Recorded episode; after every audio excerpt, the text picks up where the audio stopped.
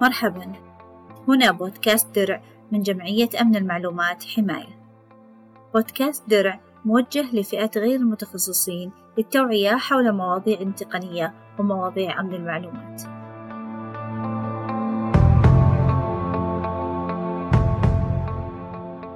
كان في مثل شعبي شهير يقول إذا كبر ولدك خاوي الآن التحدي اللي سبق كل العصور السابقة أنه الطفل من عمر صغير جدا يمتلك أدوات الكبار. وهذه الأدوات صارت في متناول أيديهم. التقنيات تتطور وصارت أكثر سهولة. الطفل حتى الذي لا يجيد الكتابة يبحث بالصوت ويجيب له الجهاز الجواب. المعضلة هنا إني أعتقد أن الأدوات هذه صارت محتاجة أننا إحنا كذلك كأهالي نتعلمها ونفهمها أكثر. يعني الآن اللي ينتبه لعياله ويرشدهم وينبههم أو يراقبهم بالتقنية ما يعتبر أب استثنائي بل هو هذا يعمل على حق من حقوق رعاية الطفل مثل التعليم والأكل والشرب. لذا معنا اليوم دكتورة هيفاء خوجة دكتوراه في الإدارة التربوية وحوكمة الأمن السبراني في المنظمات التعليمية. هي مشرفة تربوية في الحاسب الآلي بوزارة التعليم ومساعدة للشؤون التعليمية في مكتب التعليم وسط الرياض. حياك الله دكتورة شرفتينا. حياك الله أهلين أستاذة مرام. آه، سعيدة جدا بتواجدي معاكم وحابة أشكرك لجهودك وأشكر جمعية حماية في استضافتها لهذا الموضوع المهم جدا وبالذات في هذه المرحلة. وإحنا بنمر بجائحة الكورونا اللي أسأل الله أن يعجل بزوالها عنا وعن العالم أجمع إن شاء الله. آمين. ربما الآن مع الجائحة صرنا تقنيين أكثر يا دكتورة. نعم جدا جدا فرضت نفسها بقوة صحيح أن التقنية الآن فرضت نفسها بقوة فلذلك أصبح عندنا تحدي. صحيح. التحديات كثيرة حقيقة. أولا العالم التقني والافتراضي آه، له فوائد ومنافع كثيرة. آه، يعني لا يفهم من ذلك أنه هي كلها آه، فيها سلبيات بالعكس منافعها كثيرة جدا وتكثر منافعها إذا أنا أحسنت استخدامها وفعلت فيها الكثير من الرقابة والضوابط. هناك محاذير عديدة آه، على الابن والابنة عندما يستخدمون هذه التقنية. فبما أني أنا راح أتكلم عن الأبناء تحديدا وأركز على دوري أنا كمربي أو كأحد الأبوين آه، يجب طبعا أني أعرف أن هناك كثير من التحديات اللي تواجهني آه، وتواجه أبنائي عند استخدام التقنية. التحدي مهم جدا وهو تحدي السرعة اللي تسير فيها برامج وتطبيقات الحاسب والتواصل والألعاب. يعني يكاد لا يمر يوم أو شهر حتى نسمع عن تطبيق جديد. وبنجد أنه برامج الحماية والرقابة واكتشاف الثغرات لا تسير بنفس هذا الزخم وبنفس هذه السرعة فهذا يمثل تحدي كبير. هناك تحدي آخر وهو تحدي المعرفة. قبل فترة كانت في صديقة تسألني عن آه، برامج ال VPN ولدها عمره تسع سنين وأثناء اللعب ظهر له رابط إنه انقر هنا لتحميل ال VPN الجميل في الموضوع إنه هو جاي يستشيرها ويسألها هل تسمحي لي إني أنزل؟ فكانت تسأل لي ما هو ال VPN فهذا تحدي آخر وهو تحدي المعرفة. لما يكون ولدك يسبقك في المعرفة وفي المعلومات اللي عنده. تحدي آخر وهو تحدي المسؤولية. أنا من اشتريت هذا الجهاز أو هذه اللعبة أو هذا التطبيق سمحت لولدي بإنه آه، يقتنيه وبالتالي المفترض أني أنا من أضمن سلامته وحمايته من سوء الاستخدام. آه، صحيح أن هناك طبعا قوانين وتنظيمات وضعت محلية ودولية لكن من يتابعها داخل البيت؟ هو أنا. لا يوجد أحد سواي. أنا أو أحد الوالدين أو آه، يعني من كان ولي أمر أو وصي على هذا الإبن. تحدي أيضا آخر وهو تحدي العولمة الثقافية. وتحدي اللي هو المفاهيم والقيم الجديدة التي بدأت تغزو مجتمعنا. وتحدي الخوف من إساءة الاستخدام لوسائل التواصل الاجتماعي. هناك مؤشرات عالمية تقيس السلوك على الإنترنت ومدى أمان الاستخدام وتوفر السلامة الرقمية. فالمفترض أن هذه المؤشرات تعكس عنا صورة إيجابية العالم أجمع فهذا تحدي آخر أنا أتحمل من باب المسؤولية الاجتماعية. تمام يعطيك العافية. من ذكر ما ذكرتي دكتورة أنه من الواضح أنهم هم اللي لازم يخاوننا. فعلا فعلا يعني لأنهم يعرفون أكثر منا صار سبقونا في المعرفة حقيقة لأنه جدا ما شاء الله عليهم يعني سريعين ويستطيعوا أنهم آه، يعني ينتبهوا لأي تغيير أو أي تحديث في مثلا حتى في في الجوال. تلاقي الابن ينتبه إنه تغير طريقة كذا وصار نفتح من كذا. فهذا طبيعي طبعا لأنه هذه المرحلة العمرية اللي هم فيها. آه لذلك هذا تحدي آخر. صحيح. ممكن نضيفه لقائمة التحديات. جميل. اذا دكتورة إحنا بنتكلم عن تحديات بنواجه معها مخاطر. نعم. ما هي المخاطر هذه اللي راح نواجهها إحنا كأولياء أمور ولأطفالنا كذلك؟ نعم. كنت قبل أن آتي عملت استطلاع سريع آه، هل ابنك آمن على الإنترنت أم لا؟ والحقيقة جاتني آه، تقريبا 1300 مشاركة والجيد أنه 83% من المشاركين يعتقدون بأن أبنائهم غير آمنين على الإنترنت. فهذا أمر طيب. إذا هناك وعي والأكثرية الغالبية يعرفون بأن أبنائهم معرضين للمخاطر. لو نمر على المخاطر هذه نستعرضها مع بعض. آه، قد تكون آه، هذه المخاطر في مشاهدة محتوى سيء يتعرض له الابن بشكل مباشر أو غير مباشر. يعني تظهر فجأة في في مثلا في اليوتيوب تظهر له فجأة رابط لمحتوى غير لائق. آه، قد يكون الخطر يكمن في أفكار هدامة ومنافية لقيمنا وعاداتنا وتقاليدنا تعرض على هذا الابن. قد يتعرض الابن أو الابنة للتحرش من خلال لعبة معينة مثلا شخص يطلب منه أن آه، يعني يزوده مثلا بمعلومات معينة أو بأشياء معينة ثم بعد ذلك يبتز بهذه المعلومات اللي أعطاه إياها الإبن. آه، قد يتعرض الإبن أيضا لعمليات احتيال مالية لما مثلا بيلجأ لشراء آه، أشياء معينة في الألعاب ويستخدم فيها بطاقة الحساب البنكي للوالدين وهذه خطيرة جدا وحدثت كثير. نجد الأب الإبن هو بيلعب وفجأة يشتري لعبة أو يشتري مثلا أدوات معينة من متجر الألعاب. آه، أحيانا يكون الخطر قادم من خارج المنزل. كيف يعني؟ يعني أنا مثلا آه، عندي الواي فاي مؤمنته مثلا وعاملة فيه احتياطاتي من التصفح ومن السماح للابن آه، بعدم الدخول على مواقع معينة. لكن لما يروح غرفته الواي فاي تبع الجيران مفتوح ما في password هنا ممكن يدخل أيضا وينفذ إلى شبكة الإنترنت أو بالعكس. ما هناك من ينفذ له عن طريق هذه النقطة. هناك أيضا مخاطر أخرى تتعلق بإدمان الإنترنت ويمكن نلقي عليها الضوء بعد شوي إذا تكلمنا آه، آه، في هذا الجانب. هناك من يسرق معلومات الابن ممكن من يبتز فيها. آه، هناك مخاطر مرتبطة بصحة الطفل وهذه جدا مهمة الجسمية الجسدية والنفسية وتؤثر أيضا عليه على الناحية الاجتماعية. لكن لا يفهم من هذا كله بوجود هذه المحاذير والتحديات والمخاطر أنه لا توجد طريقة للحماية. هناك طرق للحماية وطرق لتجنب هذه المخاطر. تمام. طيب دكتورة إذا آه، فهمنا من حضرتك أنه عندنا تحديات ومخاطر. ما هي الأدوات المساعدة التي ستعيننا كوالدين لرعاية أبنائنا تقنيا إنجاز التعليم؟ نعم هناك لحسن الحظ الكثير من الأدوات أو ال tools للرقابة الأبوية أو ال parental control tools ممكن نقسمها إلى أجهزة وبرامج وممكن تكون أيضا في ناحية أخرى نسميها إجراءات. الأجهزة في كثير من الأجهزة اللي هي تعتبر كأنها راوتر اللي هي ال mesh Wi-Fi routers هذه أركبها في البيت لتسريع الشبكة اللاسلكية عندي وتسهيل انسيابيتها وضبط التحكم في الاتصال بالإنترنت. هي موجودة في مواقع الشراء آه، في الأونلاين وفي المكتبات الكبرى هنا موجودة وتحتاج إلى ضبط إعدادات. معنى أنه اللي آه، الوالدين أحدهما يستطيع أنه يضبط الإعدادات أو يستعين بمختص آه، من أمثلتها اللي هي ال Velop وال Orbi وغيرها الكثير من الشركات. نقطة أخرى أيضا حتى نفس الراوتر اللي جايني من شركة الاتصالات بعضها توفر لي صفحة إعدادات للتحكم الأبوي أو لتسمى جودة الخدمة. أستطيع من خلالها أني أحجب مواقع معينة عن التصفح عن آه، الأبناء. عفوا دكتورة اللي تقصدينه اللي هو زي يسمونه مقوي صح؟ آه نعم المقوي هذا اللي هو زي ال Velop وال Orbi. وفي أيضا نفس الراوتر اللي بيجي من الاتصالات بيكون فيها صفحة للتحكم. جميل. آه، هناك أيضا غير الأجهزة برامج وتطبيقات وربما هذه الأكثر انتشارا.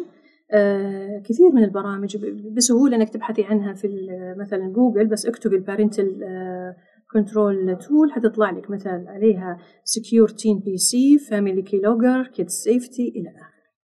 حتى برامج مكافحة الفيروسات اللي مفترض إنها تكون على أجهزة الإبن لو كان عنده جهاز حاسب آلي آه، لوحي آه، سطح المكتب أو محمول فبيكون فيها في بعض البرامج مثل Norton وال Kaspersky في عندهم خيار لتفعيل الخصوصية. أستطيع أني أتحكم من خلاله و آه، يعني أحدد مثلا وصول الإبن إلى بعض المواقع زي مواقع التواصل اللي ما تتناسب مع عمره. آه اليوتيوب آه ممكن أيضا تأمينه للأبناء. ممكن مثلا بسهولة إني أعمل أنا family account حساب عائلة وأخير وأفعل فيها خيار الأمان ال safety نقطة أيضا مهمة مرتبطة باليوتيوب اللي هي آه، من المهم جدا إني أجعل الابن يشترك في قنوات آه، مناسبة لعمره اللي هي قنوات الأطفال. في اليوتيوب إذا كتبتي مثلا YouTube for Kids حتطلع لك قائمة بال channels القنوات اللي هي خاصة بالأطفال. في نقطة مهمة جدا وتعجبني في اليوتيوب أنه هو يخضع لقوانين ال COPPA. ال COPPA هذا قانون فيدرالي أمريكي يخص حماية خصوصية الطفل لمن هم أقل من 13 عام. يعني هو أقل من 13 عام ما بيستخدم اليوتيوب إلا إذا كانت ال channels هذه مخصصة للأطفال.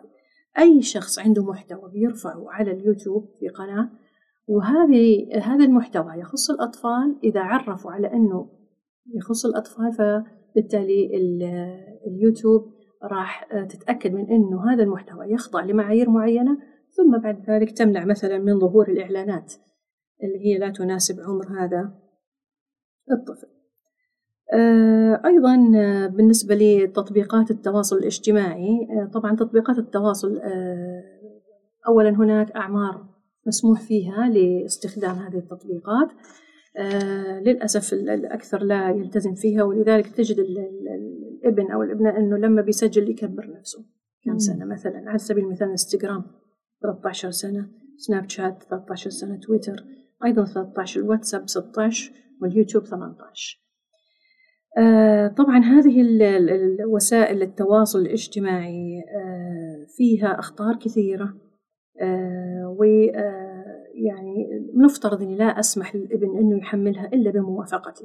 هو بمجرد ما يجي يحملها من المتجر بيطلع له طبعا اللي هو رمز التحميل أو يطلبه بالبص بالبصمة أو كلمة المرور. المشكلة لما يكون الابن يعرف كلمة المرور. آه نقطة مهمة جدا حتى أحافظ أيضا على خصوصية حسابه. إذا كان مسموح له بالسن هذا مثلا عمره 14 سنة وعنده حساب في سناب شات.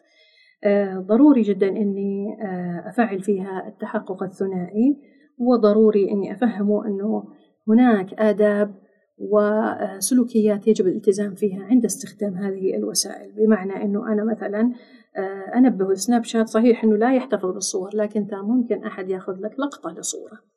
هذه نقطة مهمة. آه، فيها طبعا آه، أمور خطيرة في يعني أتوقع حتى لا يمكن أنه أتفاداها زي شاشة الديسكفر أو الاستكشاف. بعكس تويتر ربما تويتر فيها إمكانية أني أنا أتحكم أو أحجب المحتوى من خلال كلمات معينة. أي تغريدة فيها كلمة كذا كذا كذا لا تطلع في ال timeline فهذه يمكن يكون فيها التحكم أفضل في آه، تويتر. في الواتساب مثلا آه، في خيار جدا مهم. إذا كان ابني مثلا فوق 16 عام أستطيع أني أفعل عنده الواتساب وأفعل فيه خيار رفض الإضافة إلى أي مجموعة. بمعنى مو أي شخص يعمل group ويدخل هذا الابن فيه آه، دون موافقتي. غير ال social media طبعا هناك آه، قوائم آه، توفرها بعض المواقع. هذه القوائم آه، تعطيني أسماء برامج أو أفلام تناسب العمر عمر الإبن. مثلا ممكن أنا أكتب في Google best movies for kids under 30 يعطيني قائمة. مواقع فيها أسماء الأفلام وتقييمات الريت من الأهالي ويكتبوا فيها إيش رأيهم في كذا إيش فأنا أطلع عليها وبالتالي أحدد إذا كان هذا مثلا الفيلم يصلح للمشاهدة سواء كان في المنزل أو خارجه. هذا بالنسبة للبرامج والتطبيقات. نجي بالنسبة للإجراءات. هناك إجراءات أيضا ممكن أني أنا أتخذها لحماية الإبن منها مثلا. على سبيل المثال مراقبة سطوع الشاشة اللي يستخدمها الإبن. سواء كان بيستخدم جهاز جوال أو جهاز لوحي أو جهاز لابتوب. فالمفترض أنه الشاشة ما تكون ساطعة بحيث أنها تضر يعني نظر الابن الحقيقة يعني المجال هذا كبير جدا في البرامج والتطبيقات وكل يوم تطلع تطبيقات جديدة وأحيانا بيتوفر معاها بمجرد ما تنزل التطبيقات اللي هو صفحة الحماية الأبوية أو إعدادات الحماية. وأحيانا لا تتوفر فأنا أضطر إني ألجأ لإجراء آخر خارجي بحيث إني أحمي الإبن في هذه الحالة. كذلك مراقبة وضع الجلوس الصحي للأبن وهذا مهم جدا. إحنا كثير بنشوف أنه الرقبة تكون مائلة عند استخدام الجوال لأنه بيحط الجوال مثلا على آه، رجوله وينزل رقبته فبتأثر بالتالي. المفترض إني آه، أوفر له مثلا سنادة للجهاز الحاسب أو هولدر لجهاز الجوال.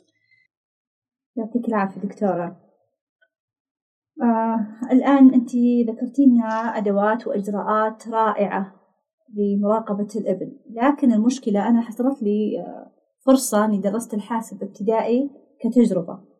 كانوا الطالبات آه، ينبهوني يا أبلة استخدمي هذا البرنامج تراقبين أولادك في الجهاز. فالبنت رابعة ابتدائي عارفة إيش هي البرامج اللي ممكن أنا أراقبها فإذا الآن أنا أحتاج حاجة أوسع اللي هي الفكر.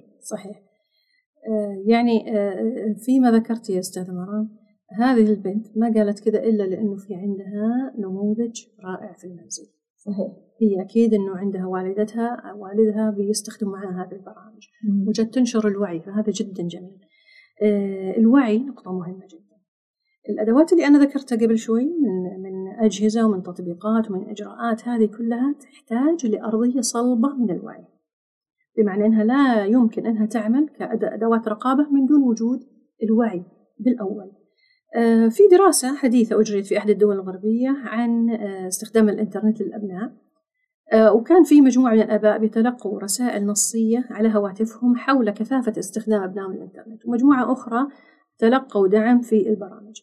المجموعة اللي تلقوا رسائل توعوية كان سلوك أبنائهم على الإنترنت أفضل من المجموعة اللي عندهم برامج وتطبيقات. هذا بمعنى أنه توعية الوالدين لها دور كبير جدا في آه، ضبط سلوك الأبناء على الإنترنت.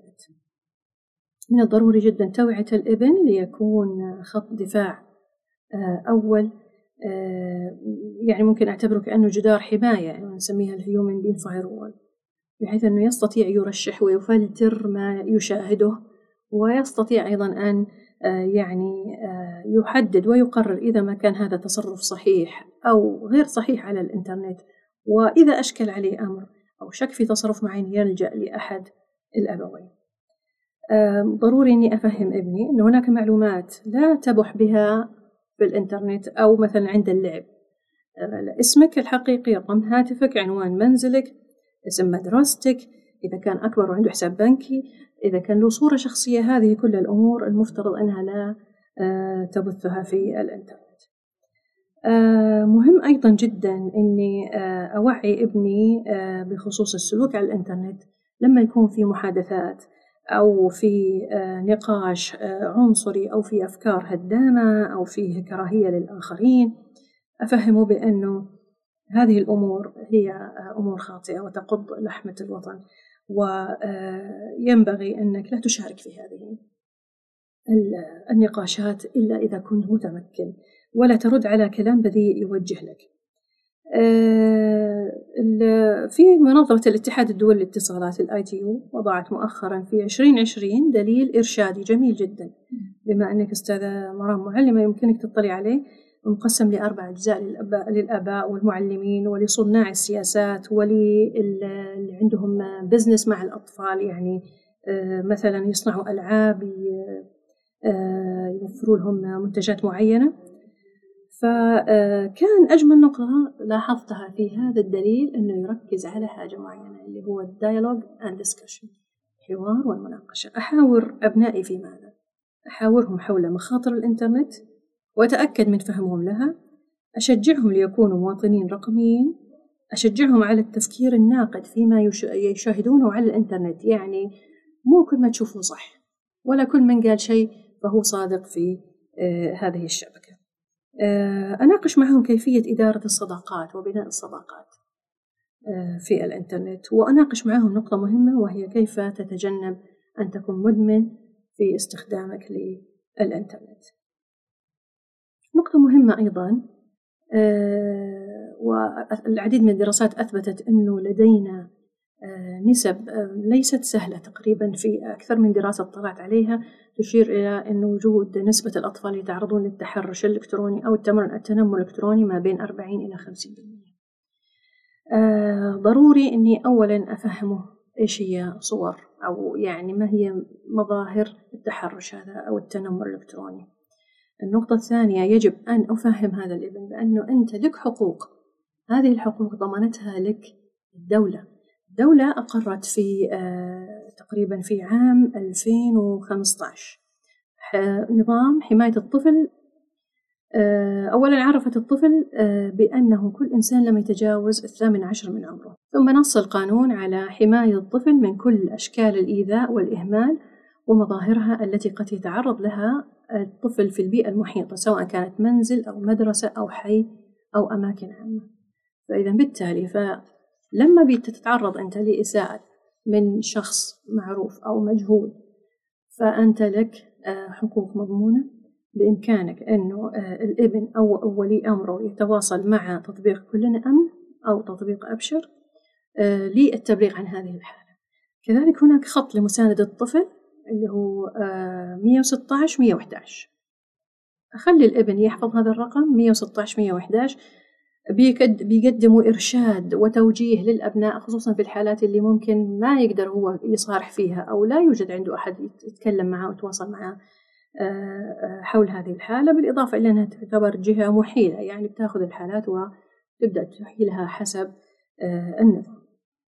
فإذا الوعي جدا مهم. وحقيقة لا تعمل يعني أدوات الرقابة بنجاح إلا إذا توفر معها الوعي دكتورة آه وانت تتكلمين الآن آه أتذكر أيام الطيبين كان عندنا مسلسل مثلا بعد المغرب هذا حق العائلة كلها. آه كان اللي بعد آه الساعة اللي بعد أخبار الساعة تسعة هذا يعني حق اللي طلعوا الثانوي خلاص.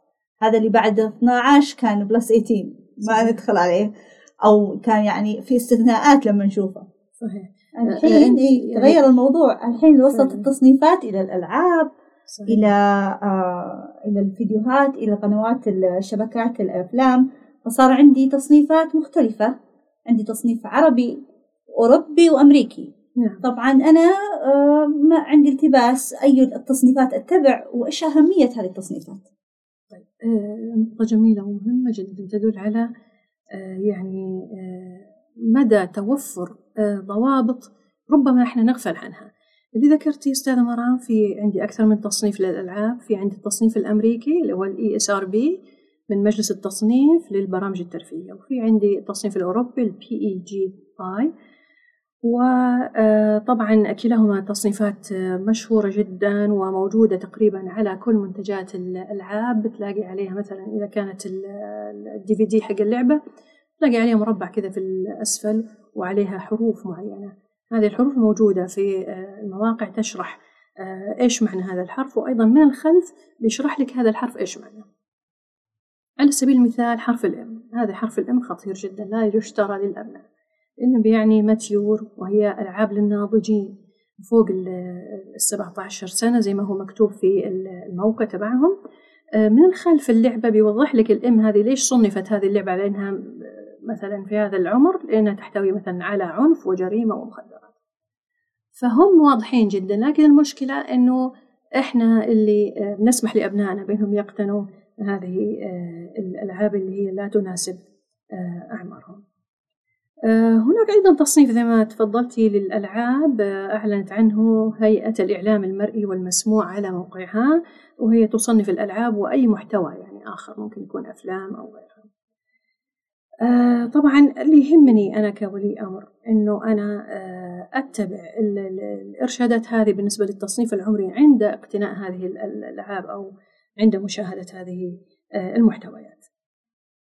نقطة مهمة أيضا بالنسبة للألعاب يمكن ما تطرقنا لها وهي محطات الألعاب أو أجهزة الألعاب هذه وفرت للأبوين صفحة للحماية الأبوية يعني مثلا على سبيل المثال جهاز السوني فور مثلا يوجد فيه في الإعدادات صفحة للحماية الأبوية بيوفر لك آه، مثلا تحكم في تصفح الإنترنت لأنه ممكن طبعا كجهاز ممكن الابن من خلاله يدخل على الإنترنت ويتصفح اليوتيوب إلى آخره. يوفر لك أيضا التحكم في نفس اللي هي سواقة الدي في دي اللي جاية مع الجهاز. إذا كان في أجهزة للواقع الافتراضي أيضا بيتحكم فيها. آه، هذه مهمة إني أفعلها قبل ما أوصل لمرحلة متقدمة آه، بيكون فيها اتخاذ إجراء يعني من الوالدين يمكن يدمر علاقته مع الإبن. قبل فترة يمكن شفنا مقطع رجل انتشر في في, في الجروبات إنه رجل يكسر جهاز الالعاب بالعصا ويقول هذا الخراب الكبير وهذا الخراب الثاني. فانا ما ودي اني أوصل لهذه المرحلة. هناك العديد من الخطوات والإجراءات المفروض أني أكون اتبعتها. ممكن أيضا بالنسبة للألعاب أضع بعض الإجراءات والضوابط في البيت. مثلا اللعب في الصالة وسط البيت وليس في غرفتك. ثم نخصص وقت للعب. وهناك وقت للمذاكرة وقت للصلاة وقت للأنشطة الاجتماعية والخروج للزيارات. بمعنى أنه أنا لما أوفر له هذه التقنية ترى إحنا راح نشتري الآن هذا الجهاز أو راح نسمح لك بتحميل اللعبة ولكن هناك اتفاق. خلينا نتفق أنا وأنت على كذا كذا كذا. هذه قوانين آه، أتفق فيها آه، على تحديد وقت اللعب على مثلا آه، إعدادات الجهاز. أنا راح أشتري الجهاز وراح أعمل فيه صفحة حماية وأعمل في حجب لمواقع معينة. طبعا كل هذه الأمور بسهولة أن الواحد يثقف نفسه فيها. يعني كأي شخص بالغ يستطيع أن يرجع لليوتيوب و آه، يشوف الفيديوهات اللي نازلة في كيفية تفعيل الحماية الأبوية في هذا النوع من آه، الأجهزة. آه، في نقطة اللي هي مهمة جدا وهي ال screen time. هذا ال screen time أو وقت الشاشة طبعا مهم جدا وعليه كثير من الدراسات وتكلمت عليه كثير من الأبحاث الأجنبية أنه هناك وقت معين للشاشة. أولا الأطفال اللي أقل من آه، سنتين يفضل أنه ما يكون لهم أي وقت للشاشة. يعني بمعنى أنه لا يشوف لا تلفزيون ولا يشوف جوال ولا وهذا يمكن عكس اللي إحنا عندنا نشوف طفل صغير ماسك جوال أمه وقاعد يتفرج. آه، بعد كذا اللي هو أوصت يعني كانت هي الجمعية الأمريكية لطب الأطفال. أوصت بأنه الوقت المسموح لل screen time للأطفال ما بين سنتين إلى ست سنوات هو من ساعة إلى ساعتين في اليوم بحد أقصى. آه، في نقطة أيضا مهمة آه، إني أنا أستطيع إني أفعل هذا ال screen time عن طريق الألعاب عفوا البرامج أو عن طريق الرقابة. بمعنى إنه أنت ابني متاح لك اليوم مثلا ساعتين فقط. إنك تلعب أو إنك تدخل على مواقع أو كذا آه، تستخدم اللابتوب أو الجهاز اللوحي. بالإضافة لأنه ممكن أفعلها عن طريق البرامج. فإذا هي ممكن إجراء وممكن يكون عن طريق البرامج وممكن عن طريق الأجهزة. جهاز بيسمح للإبن بالإتصال بالإنترنت لمدة ساعتين. بعد كذا بيقفل عنه الإنترنت. آه، في آه، نقطة هامة جدا الكثير يمكن من الأمهات نسمعهم يشتكوا عنها أنه الإبن أصبح آه، يعني آه، يلعب بكثرة جدا آه، على أجهزة الألعاب ويرفض الخروج ومثلا يرفض المشاركة ومهمل في واجباته ونومه اضطرب بدأ يسمن. هذه كلها مظاهر لا يسكت عنها. هذه كلها مظاهر وأعراض لإدمان الإنترنت. منظمة الصحة العالمية WHO في 2019 صنفت الاضطراب الناجم عن الألعاب بأنه أحد الأمراض اللي هو ال gaming disorder وعرفته بأنه يتميز بضعف التحكم في ممارسة اللعبة وزيادة الأولوية لدى الشخص طبعا سواء كان بالغ أو كان طفل آه، زيادة الأولوية التي تعطى للعب على حساب الأنشطة الأخرى.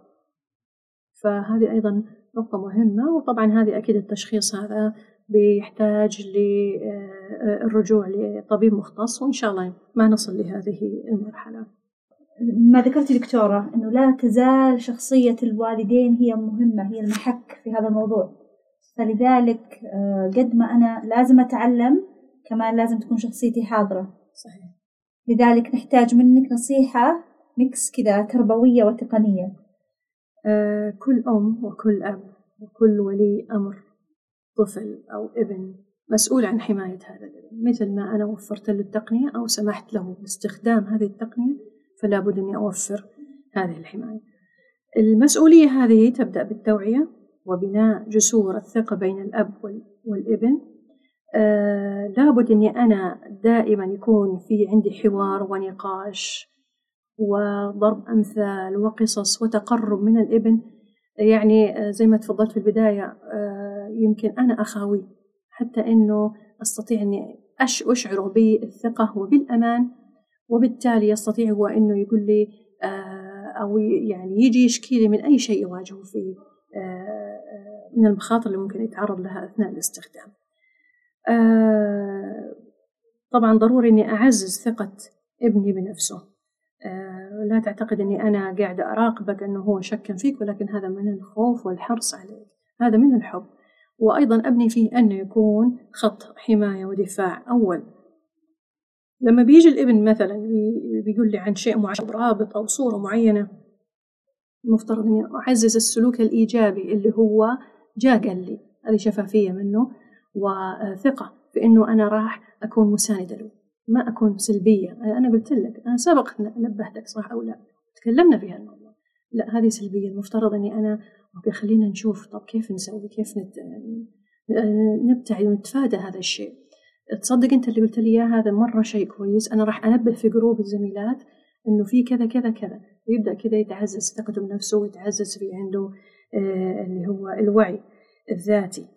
آه يعني آه دائما أقول it's never too late. الوقت لم يفت. إذا كنت أنت ما بدأت في استخدام اللي هي الرقابة والتوعية فبإمكانك الآن تبدأ مع أبنائك بالرقابة والتوعية آه، وزي ما قلنا بناء العلاقة الإيجابية والمحافظة على صورتنا مشرقة ولامعة خصوصا أننا لا نعكس هذه الصورة فقط لمجتمعنا.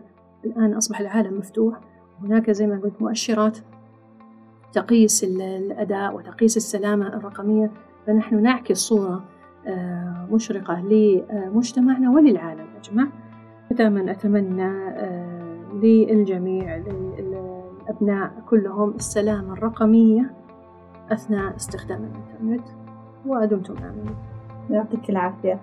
خليتينا دكتورة هيفاء وأنا سعيدة جدا بهذا اللقاء وأتمنى أننا سوينا خارطة طريق للنجاح من هذه التحديات والمخاطر. بإذن الله وأكيد هذه المخاطر مقدور عليها بإذن الله طالما يتوفر وعي ورغبة من الأبوين حتى أنهم في هذه الإجراءات ويعملوا على توعية أبنائهم وزي ما قلنا آه، توفير أيضا الرقابة سواء كانت أدواتها آه، بأجهزة أو برامج أو كانت إجراءات. شكرا يعطيك شكرا لك